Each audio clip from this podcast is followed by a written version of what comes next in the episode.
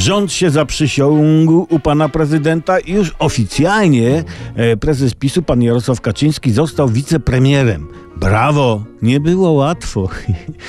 Czym się będzie zajmował Jarosław Kaczyński? Minister Łukasz Schreiber powiedział, że prezes będzie między innymi koordynował procesy. Koordynował procesy. No, robota jak każda, koordynowanie procesów. No. Jakie procesy prezes Kaczyński będzie koordynował? No na przykład proces sędziego Tulei, prawda? Objęcie stanowiska wicepremiera przez szefa PiS ma jeszcze jedną ważną zaletę. Otóż prezes przenosi się z Nowogrodzkiej, z siedziby PiS do kancelarii premiera. I to bardzo dobrze, bo pan premier będzie miał teraz bliżej do szefa, jak go wezwie.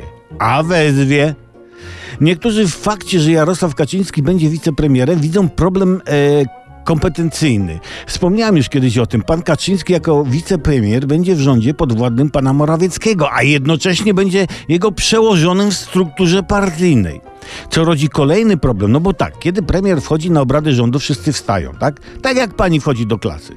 I problem, czy kiedy będzie wchodził wicepremier Kaczyński, też należy wstać. W końcu w tym przypadku jakby, jakby wprost, no wicepremier jest szefem premiera, nie? No i jest rozwiązanie, mam go. Kiedy wchodzi pan premier, wszyscy wstają, tak?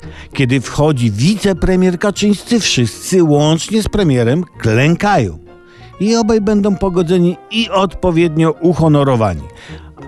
A jak któryś z koalicyjnych ministrów nie chce wstawać czy klękać, niech ich sobie obu wyobrazi nago. To, też fajna zabawa.